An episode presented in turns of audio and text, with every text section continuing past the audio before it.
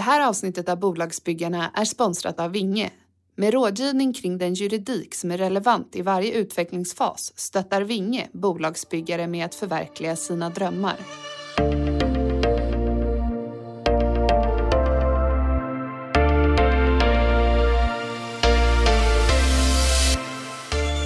Det här är Bolagsbyggarna, en podcast där vi ställer raka och personliga frågor om hur det verkligen är att bygga bolag.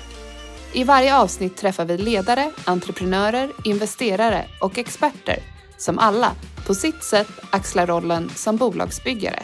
Våra gäster får svara på vilka affärsmöjligheter de är på jakt efter, vilka samhällsförändringar som riskerar att äventyra deras bolag och vad som håller dem vakna om nätterna. I det här avsnittet träffar vi Viktor Broberg, VD och en av fem grundare till BuildSafe. För mig just nu så handlar det ju väldigt mycket om hur kan vi stötta bygg och fastighet med hållbarhetsfrågor. Så att jag vill ju jättegärna börja träffa nya personer i nätverket där vi tidigare jobbar mycket med arbetsmiljö och digitalisering och nu framförallt vill träffa hållbarhetschefer på de stora fastighets och byggbolagen. Men också kunna lära från de andra branscherna hur vi kan få ut FNs hållbarhetsmål ut i bygg och, och hitta praktiska enkla sätt att göra det med digitala verktyg. Sen hela den här digitala transformeringen som sker.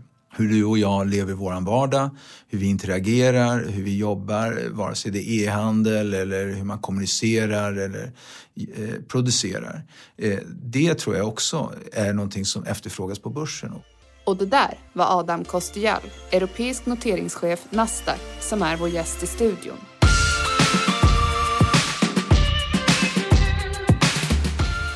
BuildSafe grundades 2015 med en idé om att göra byggprojekt säkrare och effektivare.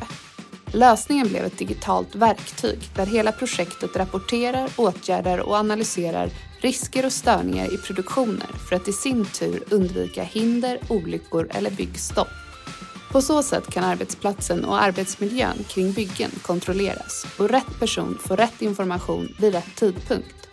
Idag har BuildSafes digitala verktyg använts på över 3200 byggprojekt med kunder såsom Skanska, Fabege och Vasakronan. Teamet har gått från de fem grundarna som drog igång bolaget till att vara runt 30 anställda. Så sent som i november i år blev det även officiellt att de förvärvas av Infobrick, ett av Nordens största SaaS-bolag med tjänster för socialt hållbara och resurseffektiva arbetsplatser. I och med det börjar nu en ny fas i BuildSafes eget bolagsbygge.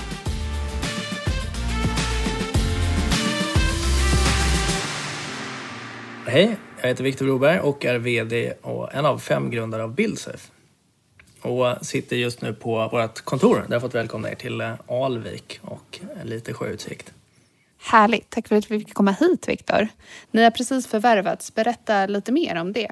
Mm fem dagar sedan blev vi en del av eh, Infobrick Group. Så Billsef som eh, grundades 2015 har ju hela tiden fokuserat på byggarbetsplatsen och tittat på hur vi snabbast kan växa och komma in på nya marknader och eh, har ju då tittat lite på strategiska partners och hittade Infobrick Group i den övningen. Känns det som grundare när ens bolag förvärvas? Är det något som du har drömt om eller som du hade kunnat se framför dig när ni drog igång? Nej men såklart eh, för alla oss som har varit med på den här resan så är vi ju jätteglada att det är några som verkligen ser värde av Bilsef. Men eh, i övrigt så är det nog inte alls någonting vi har tänkt på eller drömt om utan vad vi har drömt om är att bygga ett bolag som vi verkligen tror på och att kunna skapa bästa förutsättningarna för det. Och då har det ju blivit för oss bara hur man kan säkerställa det genom både finansiering, produkt och liksom kundrelationer. Och då har det här under de senaste åren börjat bli mer och mer aktuellt på, på den branschen vi jobbar i. Hur kom det sig att det blev just den här gruppen? Hur har ni landat i att det här var rätt väg och att ni var just nu i rätt fas att bli en del av en större grupp med just BuildSafe? För oss så börjar det nog egentligen för två år sedan där vi ser att inom eh, byggbranschen så har man eh, kommit igång ganska sent med digitalisering och har fokuserat mycket på nischade lösningar. Och nästa steg i det är att börja jobba med partners. Så att vi började för två år sedan träffa väldigt mycket bolag inom det här spacet. Och började den här diskussionen egentligen på hur kan vi samarbeta och hjälpas åt? Och har väl sen landat i bara att vi tror att vi gör det bäst tillsammans. Vad kommer det här förvärvet att innebära för er och hur kommer ni driva BuildSafe vidare nu? För oss så blir det väl framför allt att vi kan börja hjälpa våra kunder med lite fler frågor. Så jag tror vi annonserade ju det här för kunderna och för våra kollegor ganska nyligen och alla är rörande överens om att det här är det de har väntat på. Så att just nu handlar det bara mycket om att fånga den energin och idéerna som finns både internt och externt. Och i övrigt så är vi precis samma bolag som innan och kunderna har samma motparter. Men vi har fantastiska möjligheter att kunna dela lite erfarenheter och hitta nya möjligheter framåt. Nu när ni blir en del av en ännu större konstellation, vad ser ni för nya möjligheter? Med Bildsafe har ju pratat sedan vi började om säkra och effektiva byggprojekt. Infobrick har pratat väldigt mycket om det.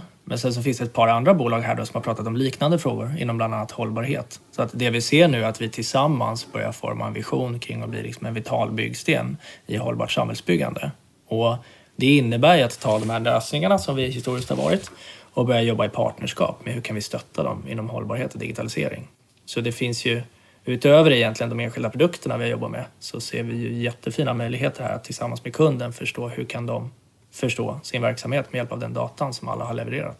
Har ni satt några nya mål redan nu?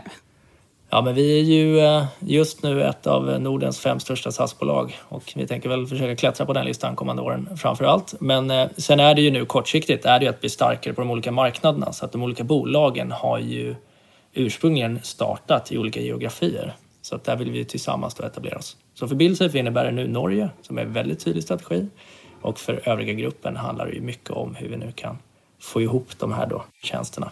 Hur ser du att din egen roll kommer att förändras i och med det här förvärvet? Kommer du som en av grundarna behöva ändra ditt mindset eller ser du att det är samma drivkrafter framåt som tidigare för dig med Bildsafe? Ja, för oss som grundare, om man ska ta det spåret, så handlar det ju väldigt mycket om att vi vill jobba med kundrelationen och vi vill göra oss mer relevanta och vidareutveckla erbjudanden. Det här gör att vi får ännu mer tid till det. Så att vi tar ju bort de delarna av vd-ansvaret och grundaransvaret som har rört kanske finansieringsfrågor eller liksom hur vi vill titta på andra marknader och istället kunna forma de strategierna tillsammans med gruppen. Så det gör nog framför allt att alla kan få en ännu större möjlighet att fokusera på sina styrkor och det som verkligen motiverar dem. Så det tycker vi är jättespännande. Vara nervös innan allt var klart? Ja, det är väl alltid lite speciellt att sitta och ha sina dialoger på Teams i bra många månader. Så att det är väl skönt att eh, vi är igenom och kan på riktigt börja prata om de, eh, de riktiga frågorna. Så att vi eh, är väl alla angelägna om att komma i mål liksom, och är väldigt glada att vi gjorde det. När man gör ett sånt här förvärv, hur lång tid avsätter man eller hur mycket tid tar det innan man liksom är i mål? Det beror nog helt på vad avsikten är från början. Vi har ju haft en längre relation med alla de här bolagen där vi egentligen har pratat mer om eh, hur ser ni på branschen, hur skulle vi kunna samarbeta, hur kan vi vara partners?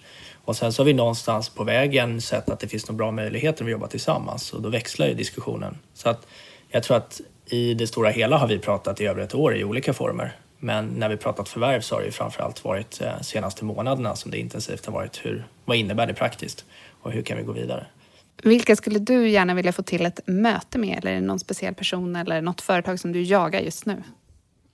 För mig just nu så handlar det ju väldigt mycket om hur kan vi stötta bygg och fastighet med hållbarhetsfrågor. Så att jag vill ju jättegärna börja träffa nya personer i nätverket där vi tidigare jobbat mycket med arbetsmiljö och digitalisering och nu framförallt vill träffa hållbarhetschefer på de stora fastighets och byggbolagen. Men också kunna lära från de andra branscherna hur vi kan få ut FNs hållbarhetsmål ut i bygg och, och hitta praktiska enkla sätt att göra det med digitala verktyg. Ehm, så att definitivt inom hållbarhet. Men sen är vi ju som grupp eh, väldigt angelägna här om att fortsätta bygga ett fint bolag med flera bolag då som har hämtat olika specialistkunskaper. Så att finns det andra digitala, digitala aktörer inom det här spacet som eh, är nyfikna på vad gruppen gör så vill jag jättegärna träffa dem också. Har du någon särskild drömkund? Drömkunden är ju att eh, egentligen eh, inte bara byggbolagen börjar jobba med de här frågorna utan att fastighetsbolagen verkligen också ser möjligheterna och att det tar sig hela vägen ut till kommunerna och myndigheterna. Det här är en jättestor bransch som har jättefina möjligheter att påverka hållbarheten generellt och då tycker vi att alla bör röra sig mot det. Stort tack Viktor för att vi fick komma och besöka dig här i Alvik. Tack själv.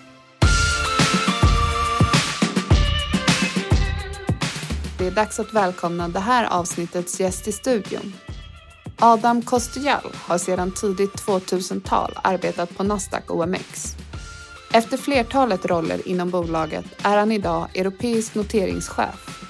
Där är han ytterst ansvarig för de drygt tusen bolagen som är listade på Nasdaqs börser i Norden och Baltikum och även för de europeiska bolag som är listade på Nasdaq i USA. Nasdaq arbetar kontinuerligt för att stötta tillväxtbolag. De senaste fem åren har de välkomnat över 250 nya bolag som rest kapital på deras marknadsplatser i Norden och Baltikum. De följer entreprenörer och startups under deras resa för att vara redo att fånga upp dem när det är dags att fortsätta bygga bolagen genom att noteras på börsen.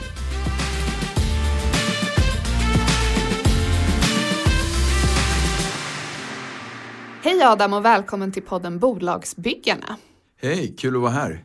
Du är ju Head Listings Europe på Nasdaq, eller kanske som man säger på svenska, noteringschef. Låter det bättre?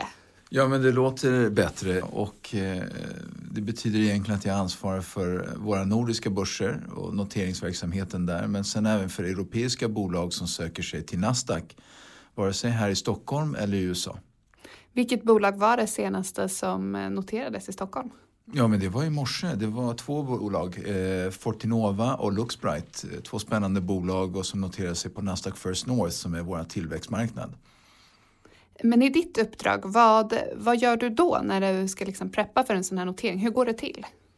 Jo, men jag värmer upp med, med en bra frukost. Nej, vad skojar. Men det, men det går till att eh, Eh, egentligen så är vårt syfte med min roll och det som mitt team gör är att säkerställa att det finns en dialog i marknaden mellan de olika parterna som är relevanta för en notering. Och det är allting från ägare av bolag till entreprenörer till eh, investerare och rådgivare som jobbar med noteringarna. Så att eh, vi säkerställer att dialogen finns, processerna finns på plats och så marknadsför vi vår plattform som ett bra alternativ för nästa steg för många av de här bolagen. Så att det är det vi gör. Eh, när vi gör de här noteringsceremonierna så firar vi en del av resan, eh, för det är inte slutet av resan. Så att i morse så hade vi två noteringar och teamet gjorde det helt virtuellt, vilket är fantastiskt. Vi hade ungefär 200 deltagare på de här två noteringarna.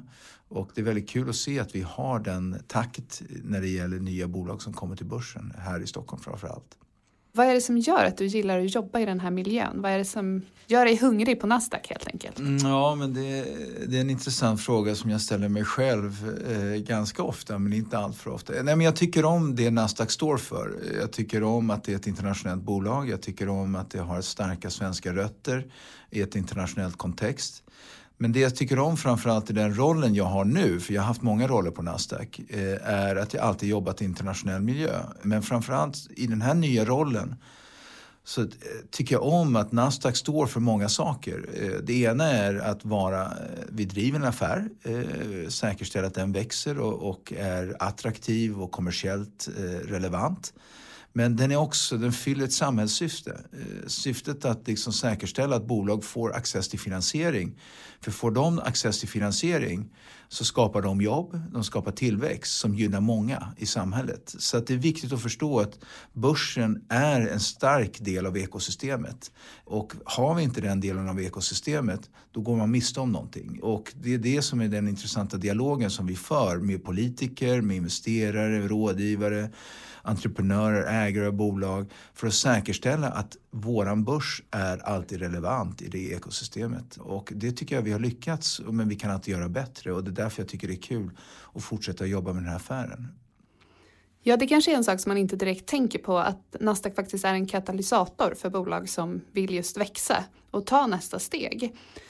Jag får intrycket av att Nasdaq är en väldigt en arbetsplats och ett bolag som har mycket puls. Stämmer det? Alltså, handeln går ju fort. Bolaget försöker agera så smidigt som möjligt. Det är ganska intressant det som Nasdaq har blivit över tiden. För att när Nasdaq köpte OMX 2008 eh, då köpte man det för att bredda sin internationella kontext, eh, skapa en europeisk plattform. Men man köpte den också för teknologin, eh, det som Olof Stenhammar en gång i tiden hade skapat.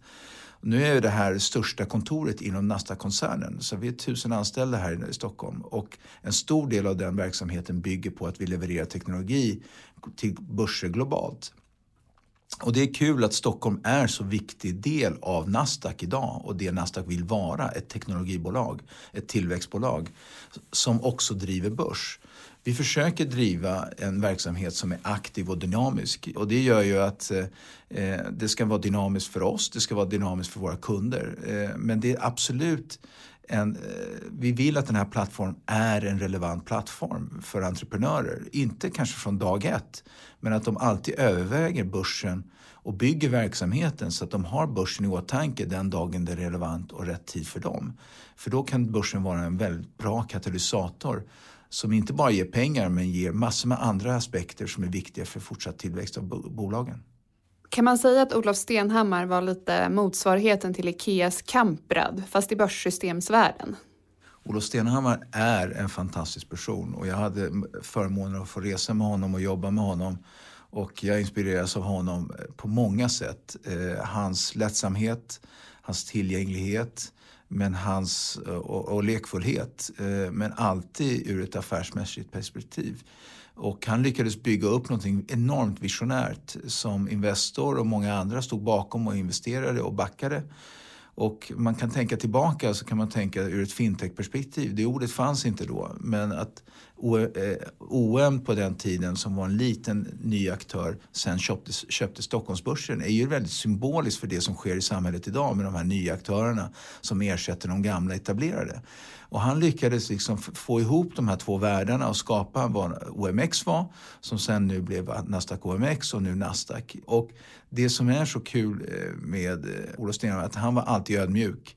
Och det tror jag eh, att Kamprad, utan att känna honom, verkar vara. Men man är alltid nyfiken på att utveckla och driva vidare, inte nöjd med det man har. Och den andan har vi behållit i bolaget, inte bara genom honom men också med Nasdaq. Skulle du säga att det är den andan som gör att ni klarar av att fortfarande vara innovativa och förnya er? Eller ser du något hot från andra nya fintechbolag som ploppar upp? Hur gör ni för att ständigt vara på tårna? Ja, men i min roll eh, så är det ju viktigt att börsen är en del av ekosystemet. Och, och ser vi inte till att eh, börsen är en del av ekosystemet, ja då är det ju andra alternativ som är attraktiva. Och det är ju då riskkapital som VC och private equity. Eh, men jag ser inte dem som konkurrenter men det är viktigt att det finns en balans på vilken roll de spelar i samhället och vilken roll vi spelar så att det finns en symbios mellan de här olika former av ägarskap. Så att vi måste vara på tårna för att säkerställa att vårt erbjudande är så attraktivt och eh, konkurrenskraftigt som möjligt. Och vi har konkurrens. Vi har konkurrens från lokala småbörser eh, och vi har konkurrens internationellt. Och det är en evig diskussion om hur vi får Spotify att stanna här och Klarna att notera sig här etc. Så det är viktigt att vi gör våra marknadsplats så relevant som möjligt och säkerställer att vi är i rätt kontext och har rätt erbjudande för varje bolag som vill söka sig till börsen. Sen har vi andra delar av vår verksamhet som är konkurrensutsatta på andra sätt. Och så vi lever i en konkurrensutsatt miljö, det är bra och där vill vi vara, men vi vill vara bäst. Du nämner ju att man kanske inte ska vara allt för tidigt när man börjar tänka på börsen. Vi har ju haft bolag i Business Challenge som har gått från att vara just ett startup till ett noterat bolag på ganska kort tid, bara på ett par månader skulle jag säga. Och då tänker jag på Sellink som noterades ja. på First North 2016 och på huvudlistan nu i april. Va? Just det. Om man vill som startup bygga ett bolag för börsen där man har det som mm. slutmål, inte slutmål då för det är ju ny, början på en ny resa. Exakt. Men om man har det som mål, vad ska man tänka på då när man startar? Är det något speciellt man ska ta med sig direkt från början eller kan det här hoppa in lite senare också?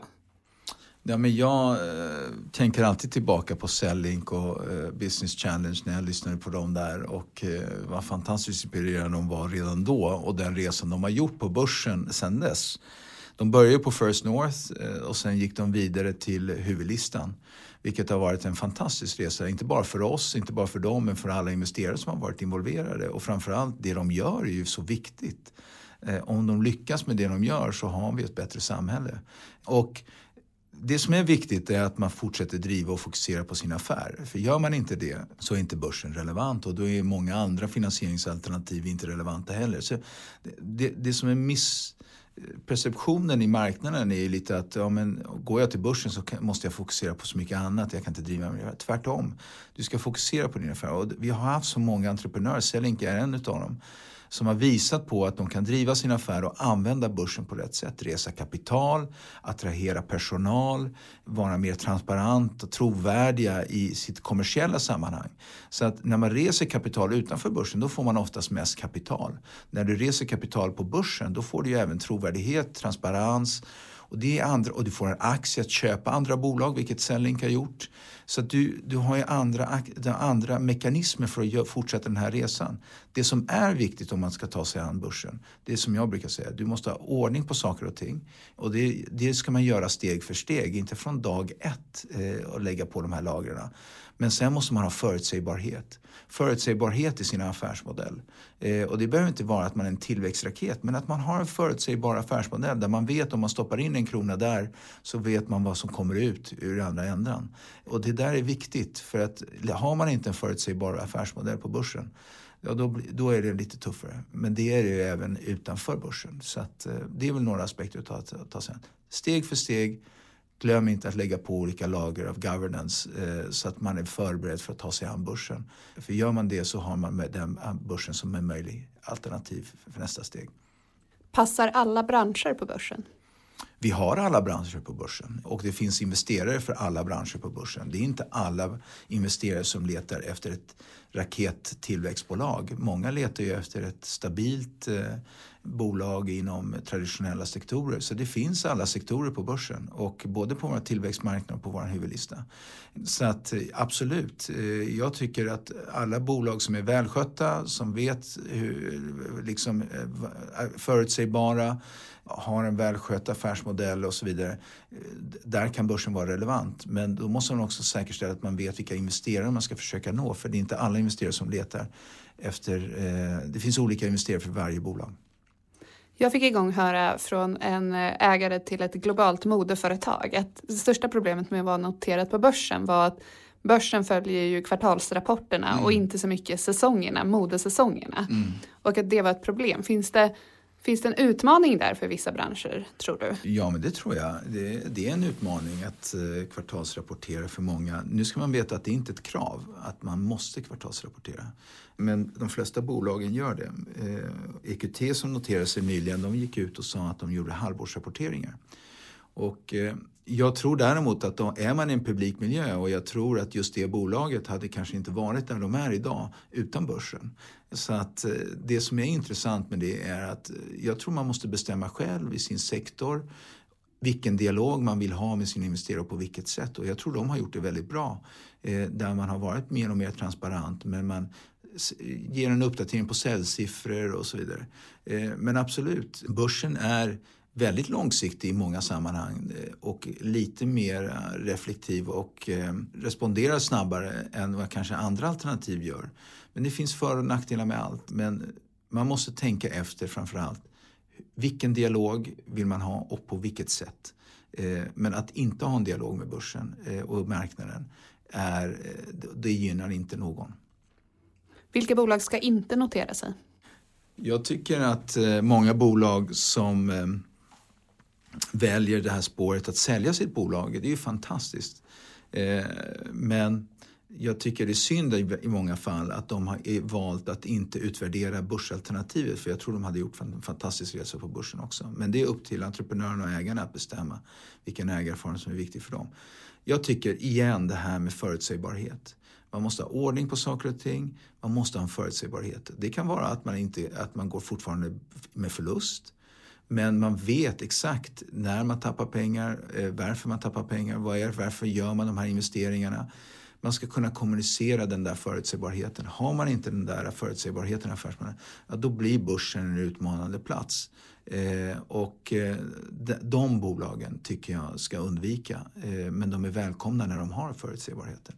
Och sen måste man ha lite governance som vi säger, liksom saker och ting på plats. Eh, men man behöver inte ha det överarbetat heller. Eh, det kan man mogna in och det är därför vi har Nasdaq First North som är vår tillväxtmarknad. Och sen har vi tio bolag per år ungefär som gör resan från First North till huvudlistan när de har mognat in i den publika miljön och vill ta nästa steg. Hur fungerar det då om man vill påbörja en dialog med er? Är det ni som hittar bolagen eller är det bolagen som hittar er? Eller hur, hur fungerar det där? Ja, men det är både och. Eh, vi försöker ringa så många bolag vi kan eh, och vara i kontakt med många organisationer och Business Challenge igen, där vi sitter där och jagar på de här bolagen att notera sig, notera sig. Det gör vi inte i och för sig och det ska vi inte göra. Men vi tycker det är kul att vara med i ett relevant sammanhang och, och eh, vi är inte med i Business Challenge för att alla bolagen ska notera sig. Vi stöttar någonting som är bra eh, i grunden. Eh, men vi försöker nå bolag eh, och kontakta bolag regelbundet för dialoger. Vi pratar med rådgivare, vi pratar med ägare. Eh, men vi välkomnar att bolagen tar kontakt med oss för att vi säkerställer att de är införstådda på ett, vad är det för krav som ställs? Vad är det för goda råd vi kan ge dem så att de kan tänka efter? Så att när de börjar den här planeringen inför börsen som kan ta allting från 12 månader till 3 år beroende på, det, kan, liksom, det är upp till dem. Att de, gör, att de tänker efter vilka steg är det de ska ta och när. Och sen ger vi dem kontakter som de kanske inte har själva i form av rådgivare, investerare eller andra bolag som har gjort resan som kan dela med sig av erfarenheten. Så vi uppmuntrar bolagen att kontakta oss och vi, vi försöker ha så frekvent dialog som möjligt med nya bolag som vill ta sig an börsen. Är det någonting som vi kan bli bättre på för att fler unga och innovativa bolag ska söka sig till börsen eller tycker du att de har det intresset redan nu? Ja, men nu har vi ju fördelen här i Sverige som är ganska unikt ur ett eh, europeiskt och även globalt perspektiv att det är så många som äger aktier. Eh, om man tittar på Tyskland till exempel så är det väldigt få som äger aktier. Vilket gör att du och många andra förstår eller i alla fall är intresserade av att äga aktier. Vilket leder till att man, är, man, man, man följer börsen på ett annat sätt. Det gör ju att det finns en förståelse och intresse i marknaden som inte kanske finns i många andra. Så att jag tycker vi är på en bra plats. Sen tycker jag vi ska få riskkapital och private equity att se det som en framgång att man når börsen mer och mer. Att man verkligen ser till att sina bolag i portföljen är väl förberedda för börsen så att man har det som ett alternativ. Jag brukar säga så när man går in i en förhandling då ska man ha två alternativ, inte bara ett.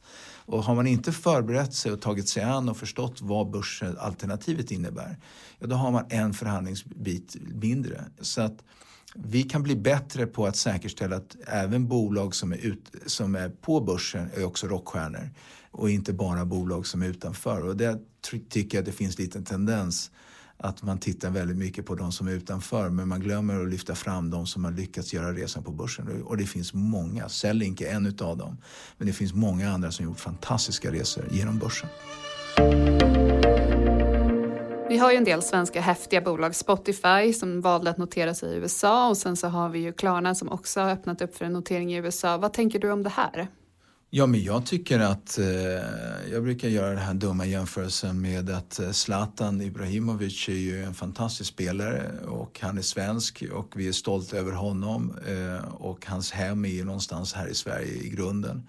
Men att säga till honom att du måste stanna kvar här och spela på stadion hela ditt liv, eh, det är inte någonting som eh, vi ska tvinga honom att göra. Nej men skämt åsida, eh, det som är kul med de här bolagen är att de har globala ambitioner och det ska vi vara enormt stolta över. Och att de har den globala potentialen. Sen tror jag att man ibland överskattar eh, möjligheten att skaffa ett högre värde någon annanstans än sin lokala börs. Och där tror jag att många, eh, liksom, som Spotify och Klarna och många andra, de har ju potential att bli hushållsaktier där alla har en stark relation och där alla, både pensionsfonder och eh, hem, skulle gärna vilja äga den aktien mer aktivt. Och hade de varit noterat här i Stockholm, då hade de haft en starkare spridning här i Sverige. Sen att de noteras i USA, det är en naturlig trend. Det är ingenting vi ska skämmas för att de har valt att göra. Eh, men jag tycker att eh, konceptet att vara noterad på två marknader etableras mer och mera och har värde. Och vi ser ju gärna att de här bolagen framförallt utvärderar den lokala börsen starkt innan de börjar ge sig an eh, någon annan. Och där är ju det jag jobbar med också, att hjälpa de här bolagen att ta sig an den amerikanska marknaden. Så vi vill ju säkerställa att de hamnar på Nasdaq i så fall, oavsett om det är Stockholm eller eh, USA. Jag ska backa tillbaka lite till den här frågan kring branscher på börsen och sen så tänkte jag att vi skulle blicka lite framåt. Vilka tror du är liksom framtidsbranscherna på börsen? Vad, vad tror du börsen kommer domineras av för branscher?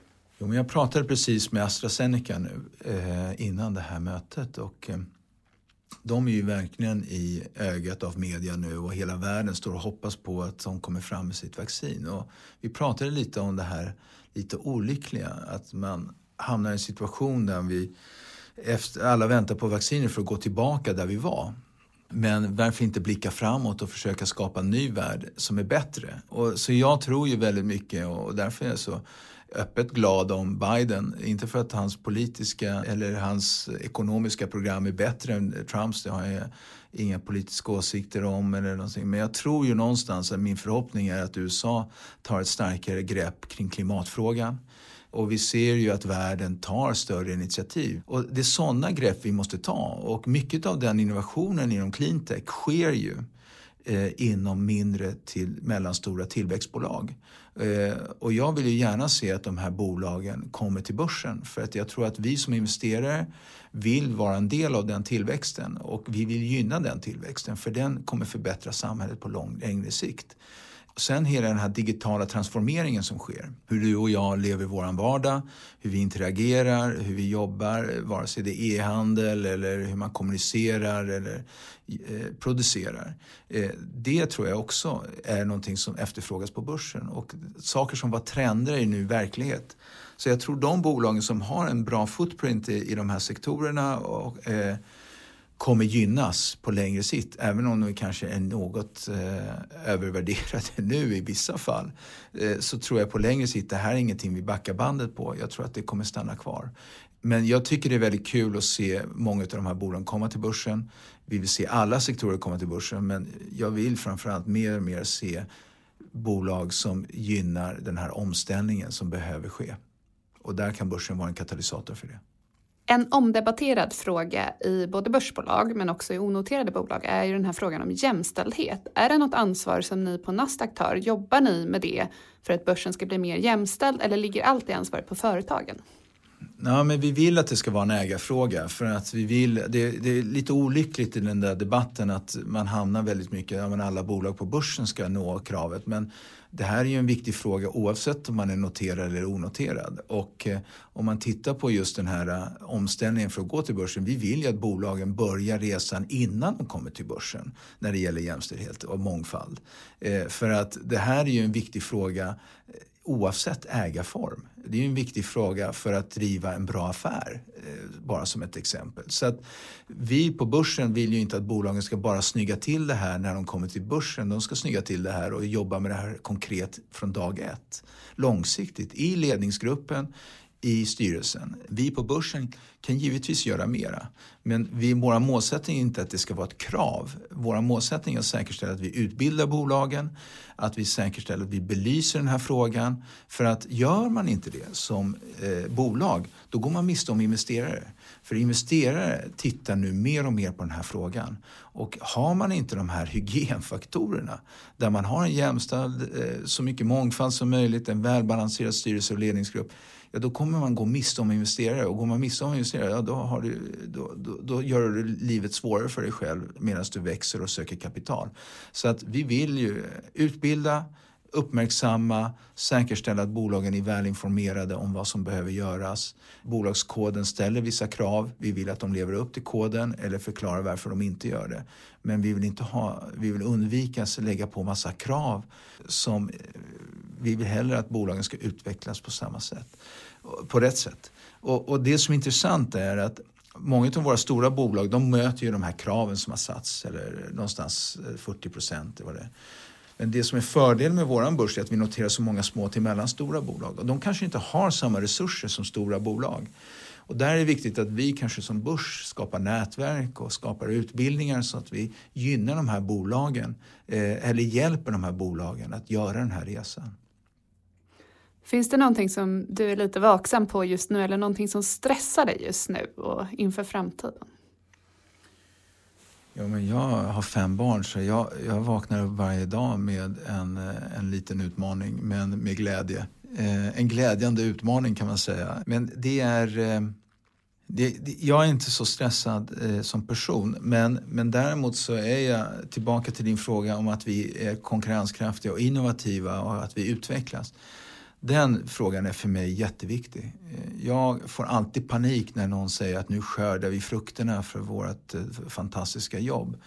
Då känner jag så här, oj, eh, vi ska inte skörda, vi ska så. Men givetvis så måste man ju säkerställa att alla är medvetna om att vi, det är klart vi ska skörda framgångar, det ska ju alla göra. Och man ska fira framgångar framför allt och dela framgångar.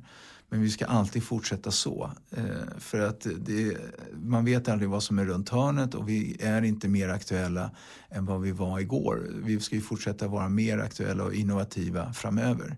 Och vi har möjligheten att innovera och göra oss mer relevanta i alla kontexter. jämställdhetsfrågan, klimatfrågan, alla de här frågorna är viktiga att vi har en tydlig röst och hjälper att driva den utvecklingen. Så att det är jag nervös för. Att vi inte är innovativa tillräckligt eh, och att vi inte fortsätter att så. Vilka innovationer eller nya tjänster eller produkter skulle du välkomna? Vem skulle du vilja ringde dig med en riktigt smart lösning?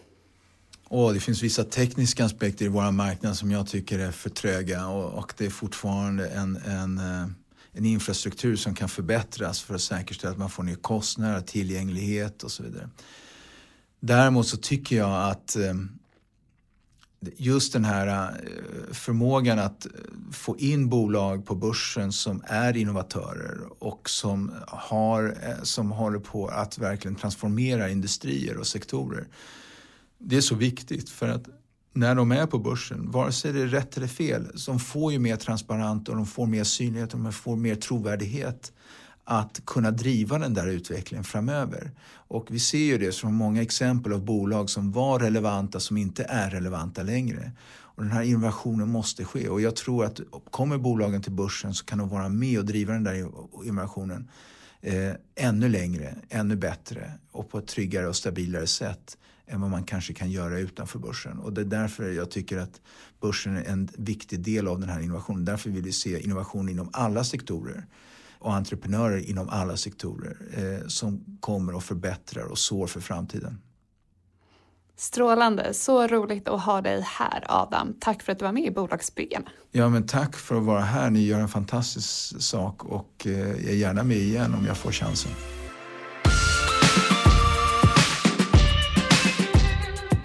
Tack för att du har lyssnat på Bolagsbyggarna med mig Camilla Ljunggren. Bolagsbyggarna är en podcast som produceras av Business Challenge. Business Challenge fungerar som de flesta små venture capital-bolag. Vi har ett stort flöde av startups och väljer ut de mest spännande företagen med störst potential för tillväxt. Vi investerar kunskap, kompetens och kontakter genom vårt unika näringslivsnätverk. Ansök till vårt affärsutvecklingsprogram med ditt företag.